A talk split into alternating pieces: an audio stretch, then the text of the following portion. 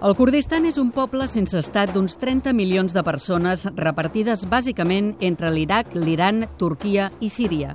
Perquè us en feu una idea, si s'unifiquessin prèvia independència, vindrien a ocupar un territori amb una extensió semblant a la d'Espanya.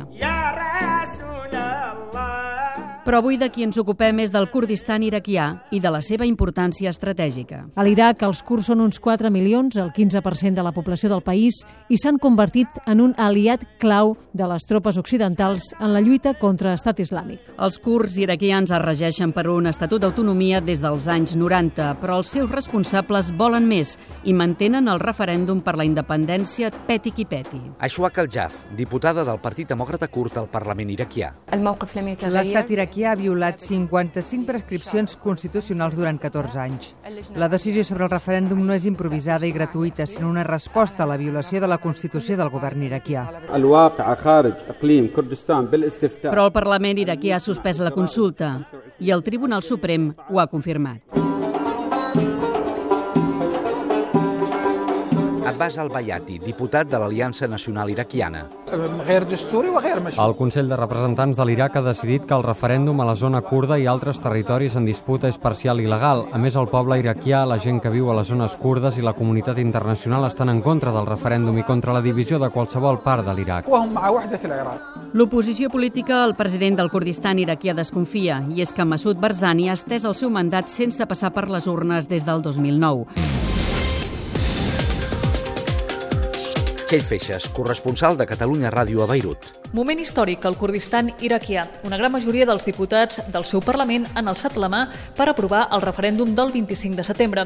Ho han fet en una sessió extraordinària, la primera en dos anys d'inactivitat a la cambra i sense els dos principals partits de l'oposició contraris al full de ruta de la consulta.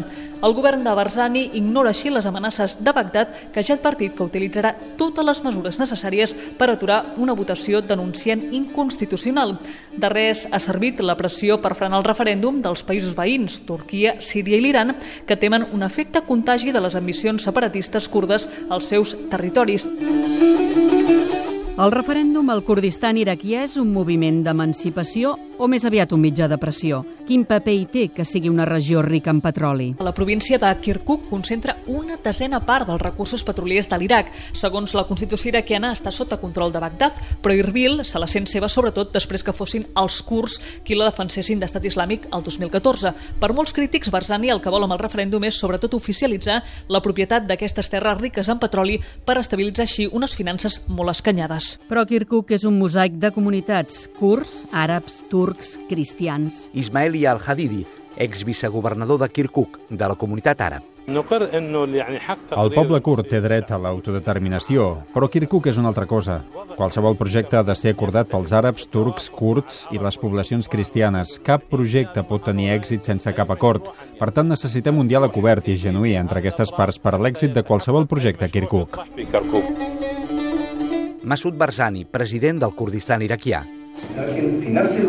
No permetrem que ningú impedeixi al poble de Kirkuk el seu dret a l'autodeterminació. Respectarem la decisió del poble de Kirkuk i els altres hauran de respectar la decisió dels kurds. El referèndum no és una demarcació de la frontera, sinó una expressió de la voluntat del poble. Quines repercussions tindrà el referèndum en la ja prou inestable situació al Pròxim Orient? A 48 hores de la votació, el desenllaç és ara mateix incert.